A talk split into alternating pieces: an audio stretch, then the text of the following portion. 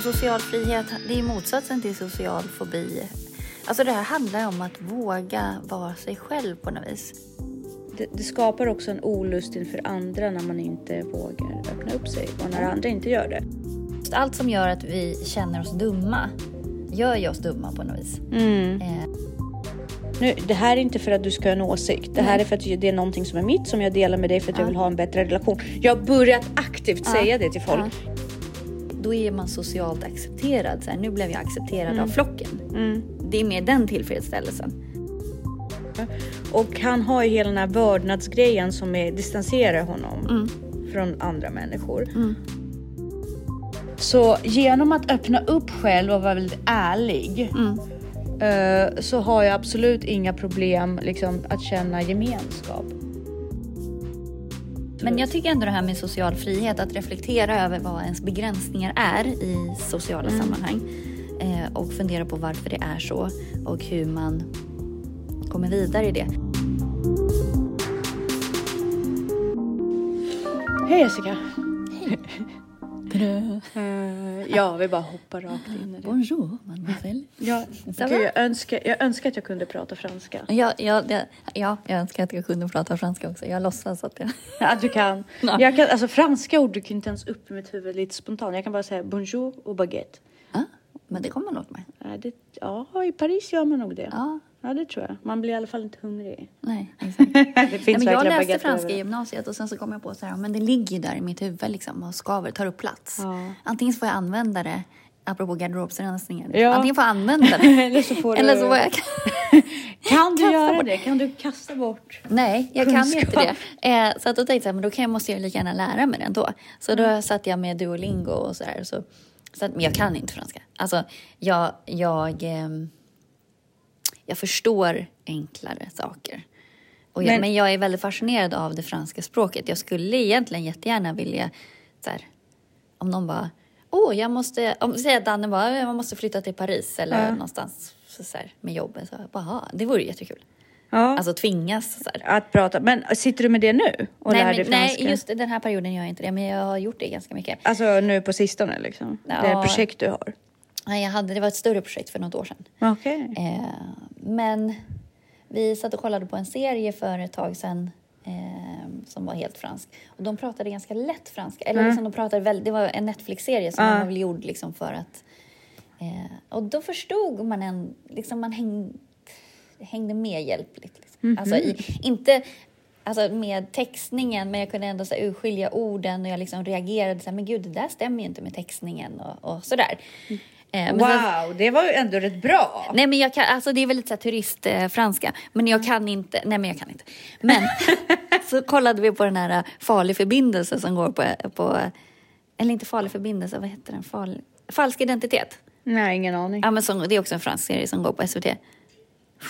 Jag fattar ingenting. Den var ju mycket svårare. Ja. Men jag skulle förstå enklare barnprogram och sånt.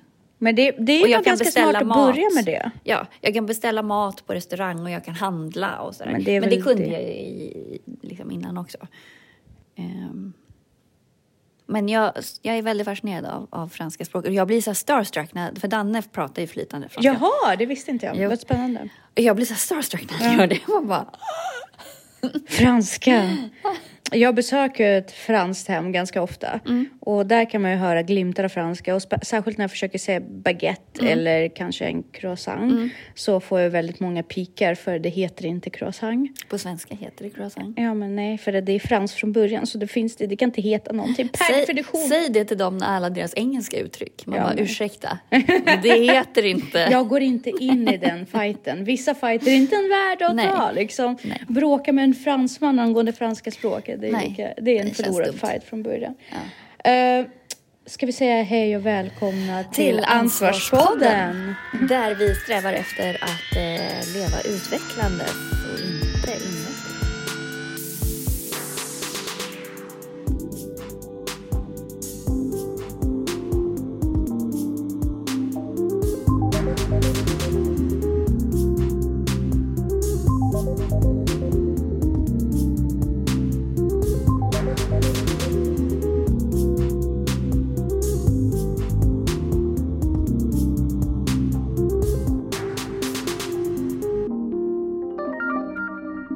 lite update från eh, minimalismen. Jag har verkligen gått in i det nu. Ja. Jag tycker att jag har så sjukt fokus på, alltså det känns för rätt för mig att kunna välja bort saker. Men dock är det väldigt skrämmande nu när mars börjar närma sig. För det har jag utnämnt till shoppingfri månad. Jag ska inte köpa någonting förutom mat. Och möjligtvis saker på mataffärer. Men poängen är ju bara att då skjuter man ju bara upp sin shopping. Vad hjälper det? Ja, i ditt fall är det nog så. Därför du köper säkert bara saker som är nödvändiga. Vad, vad ska du annars? Ja, Du menar att du gör inköp som bara, nej. Jag är bara det- uttråkad. det här- Jag kan bara, åh, det här kan jag äga. Och så bara äger jag det. Men Du, du, jag får ju ångest. Ja. Och jag har börjat utveckla den ångesten nu när jag börjat liksom gå in i det här. Ja. Och tänka på konsekvenserna och... Ja. Och det tycker jag är kul. ja. För jag tycker det är ganska skönt att ha den ångesten. För nu när jag liksom satt igång, det är som med viktminskning.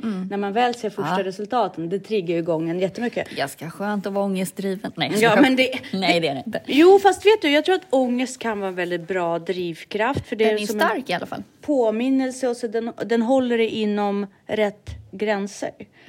Just i det här fallet. Så det, det är spännande. Och sen så har jag eh, blivit kontaktad av ett företag som säljer tuggringar för vuxna. Ja, ja, jag har sett det. Har du sett det? Ja, för att strama upp liksom. Ja! Och de hörde av sig till mig och frågade om jag ville testa. Och jag var så glad, för Ja. jag ville verkligen det. Dels så blir det så här minimalistiskt, Ja. för att jag behöver inte köpa tuggummi. Nej. och dels så, jag tuggar ju faktiskt tuggummi när jag behöver koncentrera mig. När jag sitter och målar eller när jag cyklar. Mm, men det är lugnande också. Ja, så det här var, och de skickade hem det och det är faktiskt en jättebra grej som jag starkt rekommenderar. När man kommit bortom själva konceptet att det är någonting som du stoppar ut, tar ut ur munnen. Det är basically Mm. vuxennapp. Jo, fast det är väl för att stärka upp stra, så att istället för typ ansiktslyft. Alltså att Ja, det har ju olika tydligen. Ja, det, det har ju tydligen väldigt många olika användningsområden. Dels det. Dels så stimulerar det faktiskt hjärnan. Mm. Och eftersom det är ingenting som kommer in i magsäcken så sätts inte metabolismen igång. Nej. Utan det, det är avslappnande, fokuserande, ökar blodcirkulation och stärker. Mm. Stärker uh, käklinjen. Bara fördelar. Ja. Jättekul. Och det kommer en plåtask. ja, Vilket gör att det var ingen onödig förpackning med. Jag förstår. Så att jag är helt... Eh, men för att byta till samtalsämne som vi tänkte prata om idag. Ja. Eh, vilket också tror jag går väldigt mycket hand i hand med både minimalistiskt och ekotänkande. Det är ju social frihet. Ja. Eh, vill du Ja, alltså, öppna upp ämnet lite Ja, men för oss? precis. Alltså, jag tänker på det här. Eh, jag har suttit och pratat väldigt mycket nu med eleverna. Mm. Eh, om och, om och, det är många som inte vågar. Mm. Alltså man är rädd för att göra bort sig och rädd. Och social frihet, det är motsatsen till social fobi. Alltså det här handlar ju om att våga vara sig själv på något vis. Eh, och social frihet, det är ju att liksom närma sig andra människor. Vi har ju ett ganska stängt samhälle på sätt och vis. Jag satt också och lyssnade på ett resonemang, resonemang kring araber, hur arabisk kultur är. Och att man är väldigt inkluderande. Och liksom om, om man sitter i släkten och har en picknick i en park så går det förbi något barn och bara här, vad vill du ha? Ja, Är du så ja. Och så helt plötsligt sitter det här barnet med på filten och man har aldrig träffats. Eh, och att då tydlig, tydligen den arabiska kulturen är väldigt så här självklart liksom att man, man det är klart du ska komma och bjuda. Vi har pratat om det här tidigare just det här, för det har ju du vittnat om från när du var liten. Att så här, du får sitta kvar på kompisens rum och inte när hon är nere och äter. Ja. Istället för att bara, man, det är klart att du får, alltså har man en kompis hemma så får ju den äta med. Ja, Alltså, men det, så. ja, det har hänt. Det har hänt att man Hur är den ryska kulturen? Är den så här inkluderande Eh, som den jag, arabiska? Eller? jag skulle säga att den är väldigt inkluderande, ja, på ett sätt. Men sen så tycker jag också att eh,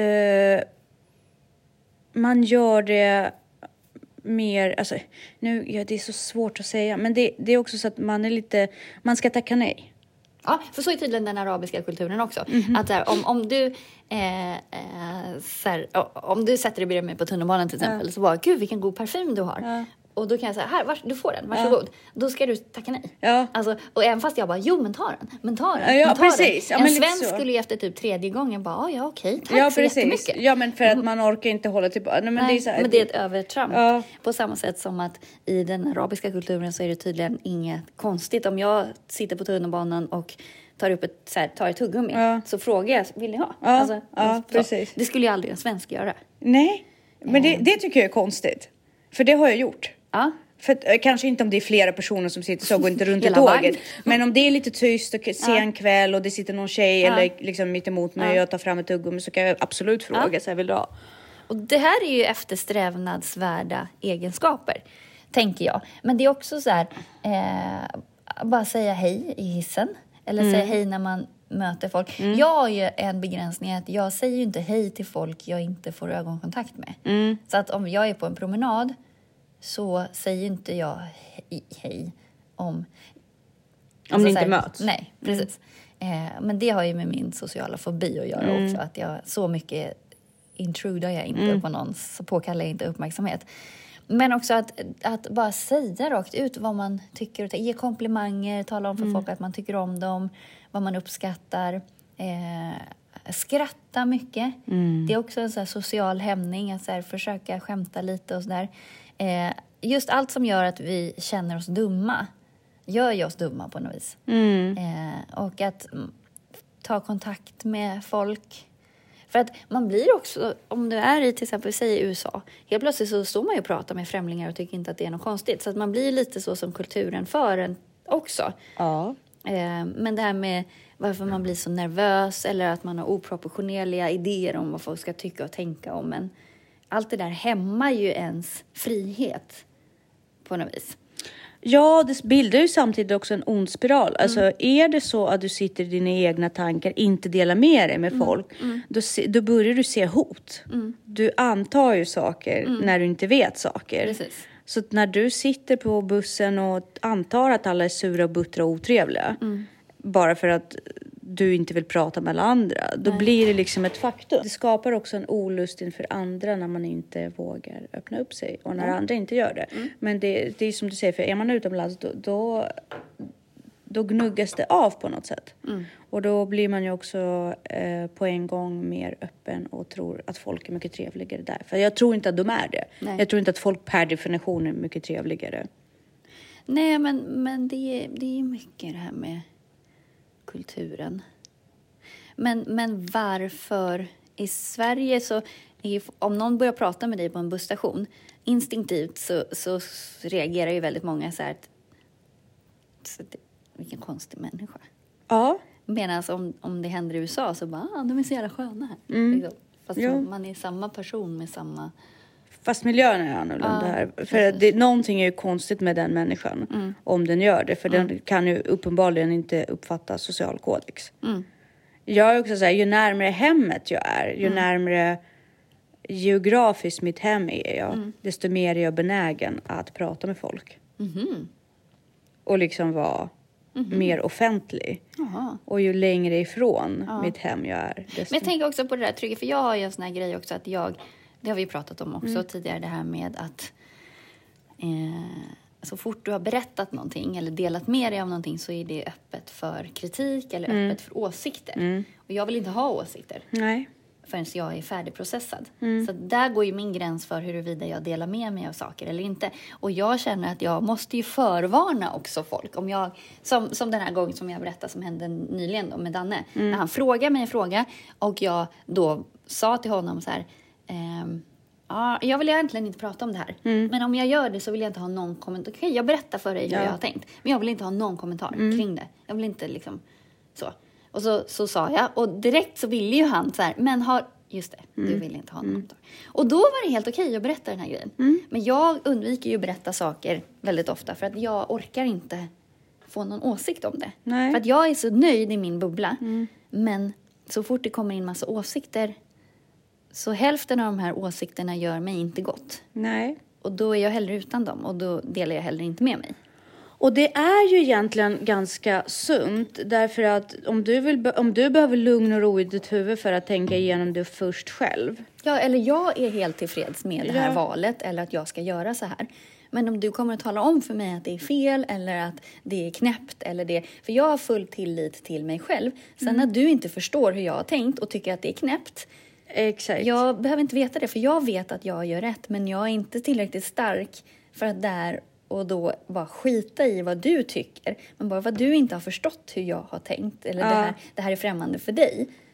Så, så ger du uttryck för det och då blir det jobbigt för mig. Mm. Och då väljer jag hellre att så här, jag tror på den här lösningen och jag vet att den är okonventionell. Men jag kommer göra så i alla fall. Men frågan är så här, varför måste i det här fallet Danne gå in och Alla gör det. ifrågasätta I det? min, runt omkring Ja. mig gör alla det. Det är därför jag inte delar med mig. Men har du sagt det till folk? Nej, men jag har ju börjat, jag har gjort det med honom. Ja. Eh, men jo, för att jag är omgiven av människor som ständigt vill förbättra och optimera. Ja. Så att det går inte att presentera någonting för någon i min familj utan att de ska så här, de menar väl. Mm. Men det, om du gör så här så blir det lite bättre. Eller, gud vad roligt, alltså om jag, vi säger att jag presenterar, ja men jag har gjort de här och sen så sålde jag några sådana. Då ska det direkt bli ett företag. Mm. Ja. Och så kan man leja ut det till Kina Ja. och man kan, det blir så här värsta grejen. Man bara, nej men alltså jag, Jag är ville bara... nöjd så. Ja, jag ville bara Ja. liksom. Dela med mig, jag behöver inte en lösning på Ja, det här. jag vill ju bara göra det här Mm. småskal. Allt ska bli så stort jämt och det ska gå så fort och det ska bli så. Istället för att bara, åh, vad kul. Bara att få lite bekräftelse och glädje, alltså att eh, det blir socialt. Det har jag också märkt, men jag har börjat säga ifrån. Ja. Jag har börjat säga ifrån just på den biten till folk och säga nu, det här är inte för att du ska ha en åsikt. Det här är för att det är någonting som är mitt som jag delar med dig för att jag vill ha en bättre relation. Jag har börjat aktivt säga det till folk. Ja. Jag har sagt det till eh, familjemedlemmar och Ja. liksom eh, för att bibehålla eh, relationen. Därför att jag blir ju som du. Jag går ju undan och vill inte berätta saker till Nej. folk. Så jag har ju aktivt sagt så att saker jag berättar behöver inte ha en lösning på eller hjälp med. Om jag inte aktivt kommer Nej, och säger till dig. efter. Hej, Hur kan jag förbättra det här? Eller kan jag hjälpa dig? Ja. Liksom så. Eh, eller kan du hjälpa mig med det Mm. här? Liksom. Då, då är det utrop. Annars är det mitt sätt att socialisera på. Mm. Jag delar med mig av min inre värld utan att du ska behöva Mm. gå in i det. Eller också när man hamnar i sådana sammanhang där det blir så att man berättar om någonting som man har gjort som man tyckte var kul. Men då ska Man bräcka, bräckas på ja. en gång. Eller så här, man bara, fast okej, ja ja. Eh, ja, men... Och det är återigen så här, jag, jag som var så glad i min bubbla här, jag var så nöjd med det jag hade gjort. Men det var ju tydligen inte tillräckligt bra. Fast där har jag Men liksom... det är ju deras sätt att Ja. socialisera och knyta an och koppla. Ja. Fast det blir ändå genom en tävling. Och då, då blir det, är man en tävlingsmänniska så kanske man går igång på det. Jag är också en tävlingsmänniska när jag har gått in i konceptet tävling. Mm. Jag har nummerlapp på mig. Och jag har, Du har gått in i tävling. Ja. Du vill inte Men- vara i tävling jämt. Nej, men jag vill inte vara i tävling med saker man... Jag vet inte. Sen är det väl klart, jag uppskattar ju självklart komplimanger och det är klart att jag trivs om folk bara, men du är så bra på det här eller gud, du, Mm. vad du... Men det är ju för att, det är inte för att jag blir så glad över att jag, vad bra jag var på det här, för det visste jag ju redan att Mm. jag kunde hantera det här. Utan det är mer så här, åh, det, då är man socialt accepterad. Så här, nu blev jag accepterad Mm. av flocken. Det är mer den tillfredsställelsen. Vilket Jag är helt förstår. stört. Eh, ja, eh, det är det ju. Men jag har ju också märkt att om man inte gör det, alltså om man inte går in och socialiserar på det sättet, sättet då blir man ju ofta utstött. Och an, anmärks som en osocial och otrevlig person. Så man måste. Men jag tror att man måste vara väldigt tydlig med varför man gör det. Ja, precis. Och sen så har jag också märkt att när man är det, när man är väldigt tydlig så här, det här har inte jag berättat. Liksom, inte, man behöver inte vara otrevlig, Nej. man behöver bara vara Ja. extremt tydlig. Då växer en status också. Ja, men det stämmer. För att, ja, jo, men det, gör, det är faktiskt sant. För att Eh. jag är ju inte så, delar ju inte med mig så mycket i början av relationen med mina prestationer Mm. Nej. eller vad jag gör. Utan det är sånt som folk upptäcker efterhand. Mm. Och då brukar jag ändå få ganska mycket så här, men gud, det tar aldrig slut. Varför har du inte berättat det här? Eller vad liksom, Medan för mig är det inget, egentligen inte så mycket. Men jag serverar ju inte mig själv. Nej. Alltså, du får ju gräva lite.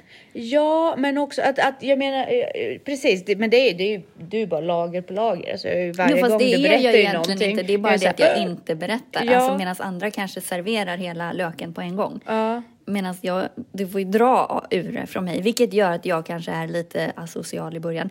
Eller det är jag inte, för jag pratar ju om massa andra saker. Men du, jag gillar ju inte att prata om mig själv. Jag gillar att diskutera kring saker och säga vad jag tycker och Mm. tänker. Men jag gillar inte att prata om mina prestationer.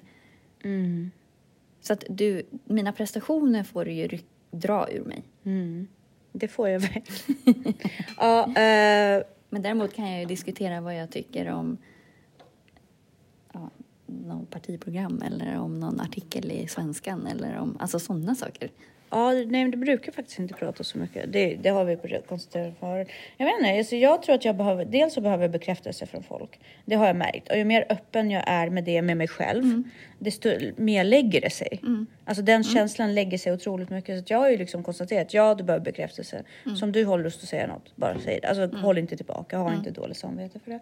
Men sen så, alltså nu, vi pratade förra veckan angående Dalai Lamas eh, bok Lycka som jag periodvis läser och det är två saker som jag nu liksom konstaterat var väldigt svåra för mig, obegripliga till en början. Men nu har jag börjat landa i det och han har ju fan rätt. alltså, Han är klok den han, killen. han har ju no, han, han, har, en något. poäng! Han har en poäng! Ja, och det, det ena var ju så här, man frågade honom om du har någonsin känner ensamhet. Om man någonsin känner sig ensam. Gud, jag tänkte på ensamhet i morse jättemycket faktiskt. Ja, och där var han, han är ju väldigt ensam på ett sätt. För att han är en lama. Eh, han är ju också, eh, alltså hans far har gått bort, jag. tror att hans mor också är borta nu. Och han har ju hela den här vördnadsgrejen som är, distanserar honom från andra människor. Men han säger så här, om man nu ska tro att det här är inte bara buddhistisk propaganda, vilket jag absolut inte tror att det är. Buddhistisk propaganda. men du vet, du vet så att han ska vara. Nej, men, eh, men, men han sa så här att jag har absolut inga problem med att känna mig väldigt nära alla människor jag möter. Därför att jag har absolut inga problem att berätta om mina erfarenheter till dem. Därför att jag tror att genom detta skapar vi band. Och när de berättar sina erfarenheter för mig även om det är väldigt avlägsna erfarenheter, rent empatiskt så försöker jag förklara deras situation till mig. Då kommer jag nära dem. Därför att varje människa är en väldigt unik situation, alltså varje unik, väldigt unik. Så genom att öppna upp själv och vara väldigt ärlig eh, så har jag absolut inga problem liksom, att känna gemenskap. Även om folk... Och den, jag tror på den. Jag tror att om man, öpp- om man visar strupet för folk, det är så konstigt också att det heter så på svenska, att man visar strupet när man berättar någonting innan. Ja, men det är för att det gör dig sårbar. Ja, men jag tror inte att det är det. Jag tror att det är en väldigt stor styrka. Jo, men alltså sårbarhet och styrka går ju hand i hand. Ja. Men, men du visar ju att här, eh, visar du strupen för någon eller så, då, då, då är man ju blottad. Du kan ju, då kan någon potentiellt Hugga. döda dig, Ja. liksom, hugga dig. Liksom, Men där, och där, precis, och där säger han ju också så att i och med att jag har övat aktivt i Mm. det här empatiska förståelse av andra människor. När, om de skulle utnyttja den grejen, Ja. då skulle jag ju i mitt huvud redan liksom bara, men gud vad du måste varit sårad för att reagera så på öppenhet. Mm. Liksom man går in i en helt annan, bara så här, men ja, jobbigt liksom. Ja, men det är ju så man sållar. Jag och Danne har Nej, nej, pratat... men alltså inte, inte det. Att du, du, inte så, du blir inte sårbar. Nej, men Därför precis. du ser den empatiska... Ja, och det är det Ja, jag ja, har förlåt, menat ja, med kanske. det här att inte förvänta sig. Ja, ja precis. Eller att man faktiskt ser folk för vad de är. Mm. Att du vet ju oftast att en sån person hugger. Mm. Men då är det ju lite fint att så här, ja, Ja, men liksom... varsågod. Ja, men precis. Och det handlar inte om att man nedvärderar den människan. Nej, nej, nej, utan det är bara att man Utan får det- förståelse Ja. för. Och sen är det ju synd att den befinner sig där den befinner sig. Men det, Exakt. där jag och Danne pratat jättemycket om vad vänskap egentligen är Mm. nu. För att han har ju gått igenom en, en period när han har haft anledning att reflektera över det. Eh, och det, vi är ju alla vänner med andra av olika anledningar. Mm. Och det är inte alltid den här vänskapen är speciellt djup eller bygger på att man faktiskt vill vara med en viss specifik person. Utan det kan mer vara att den här personen representerar något som passar Mm. in i mitt sammanhang. Och försvinner den så spelar inte det så stor roll för det är inte personen jag saknar. Medan om man har en djupare relation så blir det ju så att bandet är ju starkare, så oavsett vad som händer så är det så här, fan jag saknar henne. Även om man inte har hört eller att man tycker olika, eller så till slut kan man inte hålla sig. Man blir så här, men jag vill träffa dig. Jag saknar dig, du tillför något i mitt liv. Ehm, och där är, där är man ju väldigt olika, vad en vänskap... Och där skiljer, alltså jag har ju den, skiljer ju på bekanta och vänner. Men vänner kan man ju inte göra sig av med så lätt. Nej. Det går ju inte, man saknar ju dem för mycket för att de Det gör man ju. tillför. Då, och jag tror att de människor som man har gjort till vänner, de är ju en del av ens familj. Ja. Alltså det, det, jag drar ju ingen gräns där på något sätt. Och även om, om de fuckar upp lite eller Ja, gör något ja, konstigt det- så släpper man ju inte. Alltså det är ändå, Nej. banden är ju ändå starkare än ett par fuck-ups. Ja men precis. Och sen är det så att eh, alla fuckar ju upp. Ja, exakt. det är ju ganska befriande också att se någon som du, eh, beroende på hur de fuckar upp, Mm. att man sätter sig ner med den personen och bara, det här var, aj. Ja men bara, ah, förlåt, det var, det var dumt. Ja, det var, Precis. det var inte okej.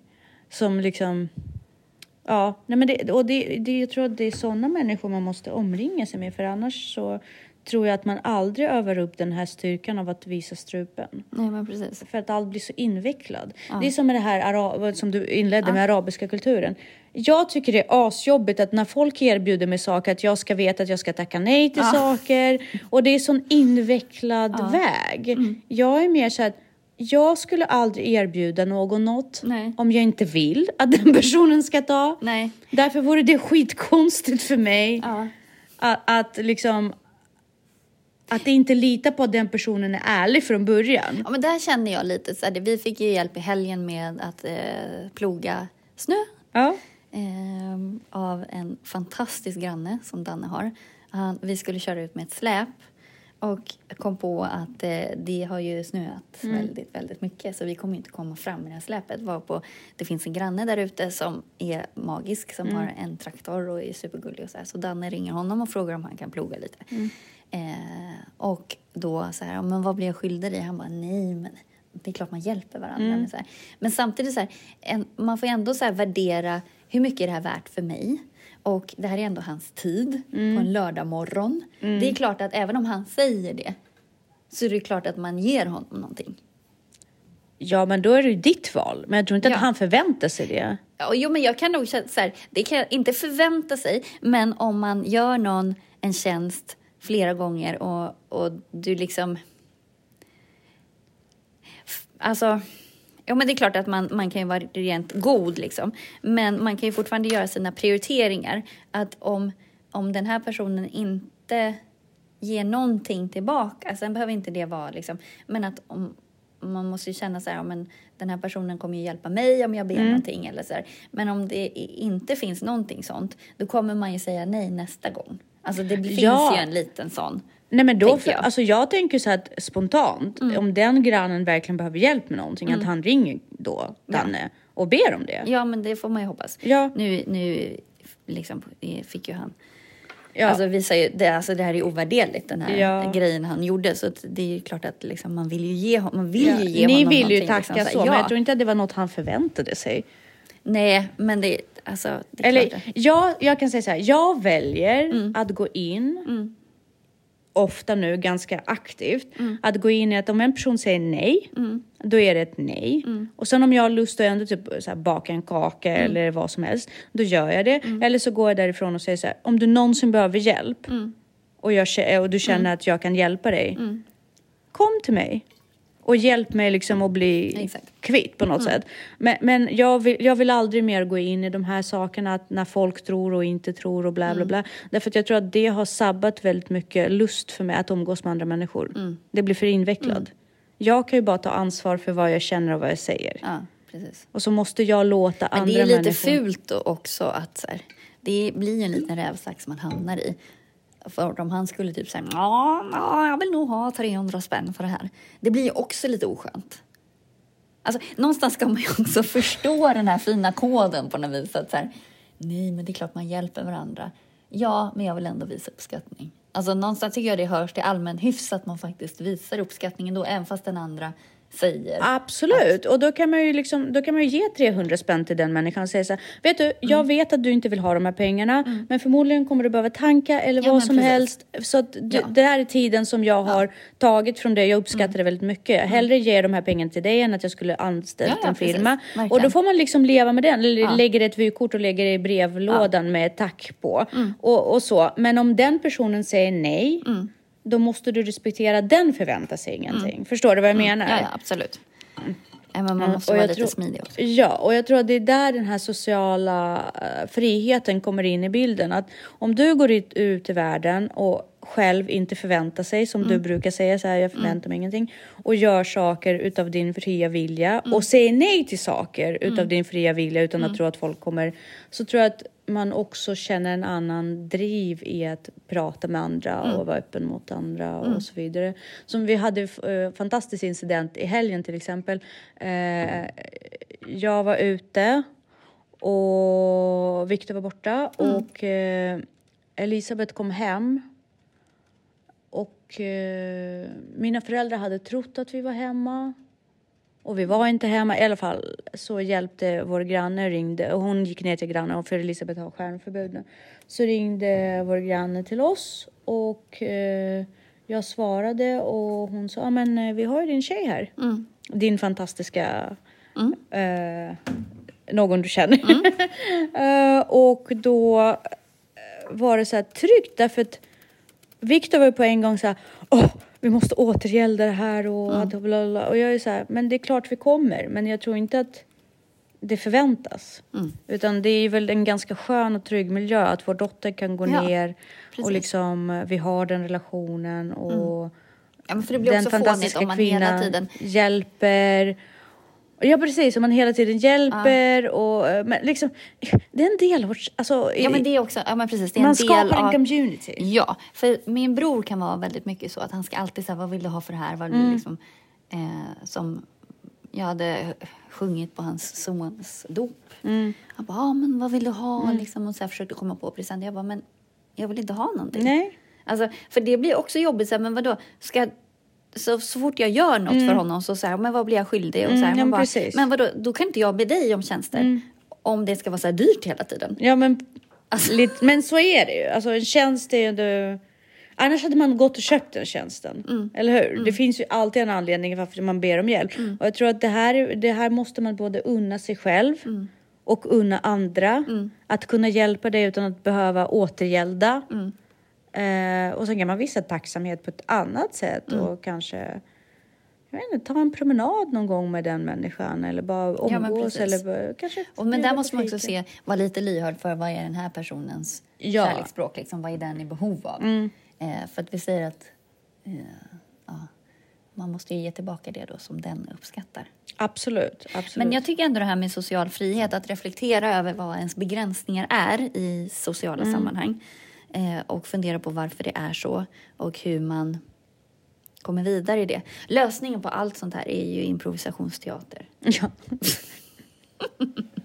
ja, eller bara gå in i sig själv och, känna, eh, och lära känna sig själv. Varför är det så? Vad är det som stoppar mig? Men ibland vet man ju inte, det bara är som en fobi, att det bara det går inte. Man kanske vill, men det går inte. Kroppen. Ja, och då måste man förstå varför är man otrygg. Mm, precis. Val, för det, det- handlar ju alltid om otrygghet. Varför är man så rädd att andra ska skada, att andra ska skratta? Varför? Men är, ibland är det, det kan ju vara fobiskt. Då är det ju ologiskt, det finns liksom ingen... Men det är ju superspännande. Men det är väldigt spännande och jag tror att eh, Det är bara KBT med det där, man får sätta upp mål och så gör man något Ja. obehagligt varje dag. Ja, så kan man tänka. Och sen, eller så kan man börja öva sig i tanke på det här med eh, som har faktiskt börjat verka in i mitt liv. Så här, ta ett föremål och i någon lugn sekund bara hur förbinder det här föremålet mig med resten av världen? Och gå in i det här hela tiden och bara inse att alla människor behöver varandra. Och tänka på pinsamma historier som har hänt en själv och hur stöttande omgivningen har varit. Nej, men de har ju det. Alltså, jag menar, hur många gånger har det inte hänt jättekomiska grejer? Liksom?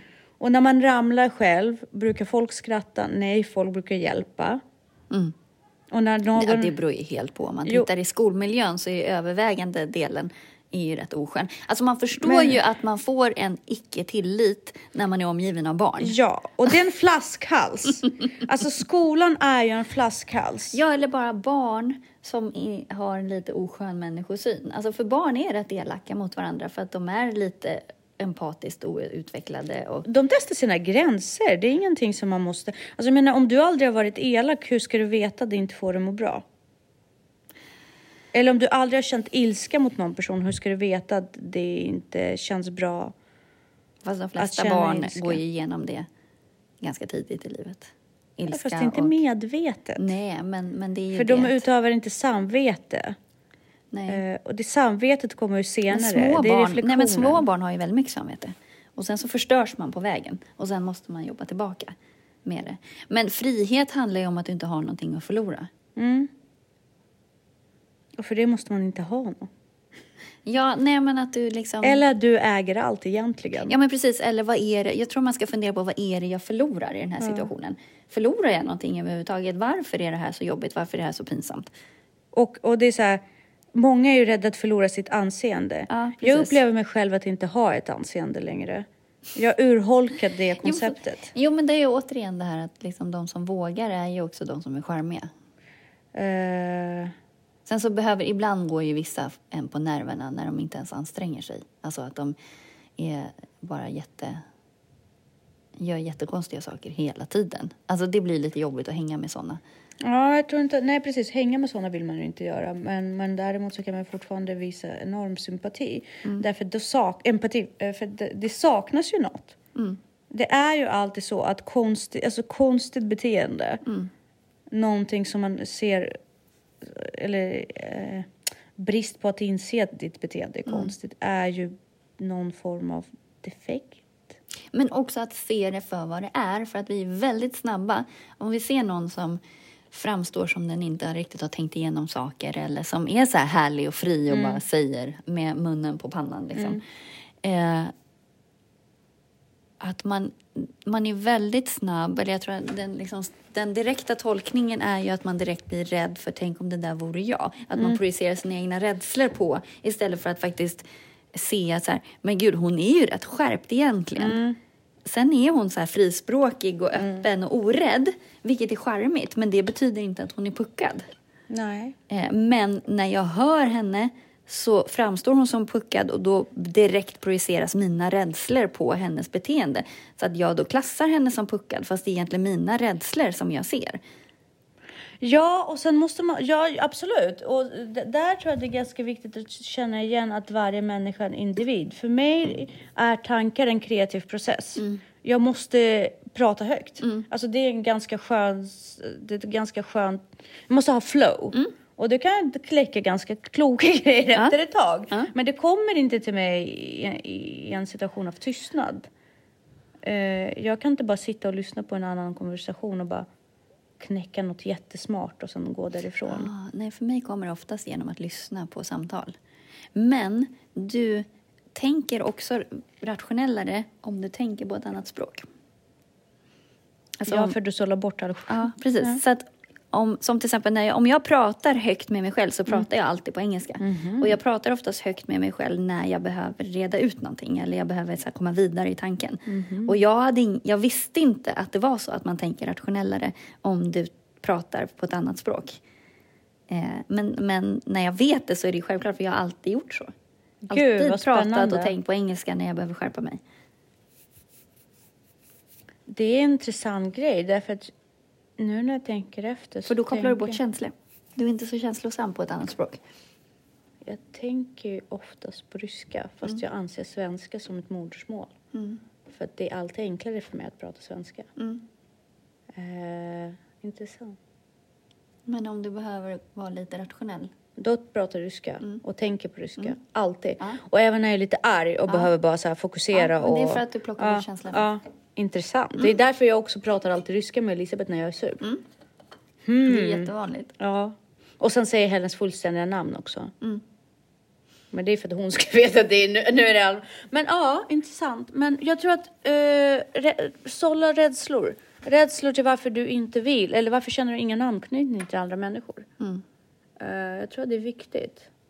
Sen behöver inte det vara osund. Man ska inte liksom plocka isär sig själv. Nej. Utan det handlar bara om att eh, kunna se att vi alla är på något sätt stöpta i samma form på ett sätt. Men, men vi har interior, interior design som kan vara väldigt olika. Men vi är fortfarande människor allihopa. Så det är, empati tror jag styr det här med social frihet också. Eh, våga låta andra misslyckas så kanske du känner dig bekväm med att misslyckas själv. Mm. Något sånt. Cool. Ja, jag tror att nu har vi löst en till, en till uh, gåta för Exakt. mänskligheten. Ja, Nu kan vi luta tillbaka och Ta slappna av Nej. resten av veckan och bara vara lite smådumma Ja. och ansvarslösa. Nej, jag Nej, skojar bara. vad säger du människa? Jag skojar bara. Tänkte väl. Nej, vi, Ja, vi ska gå tillbaka till vår ansvarsfulla tillvaro. Hej. Hej då!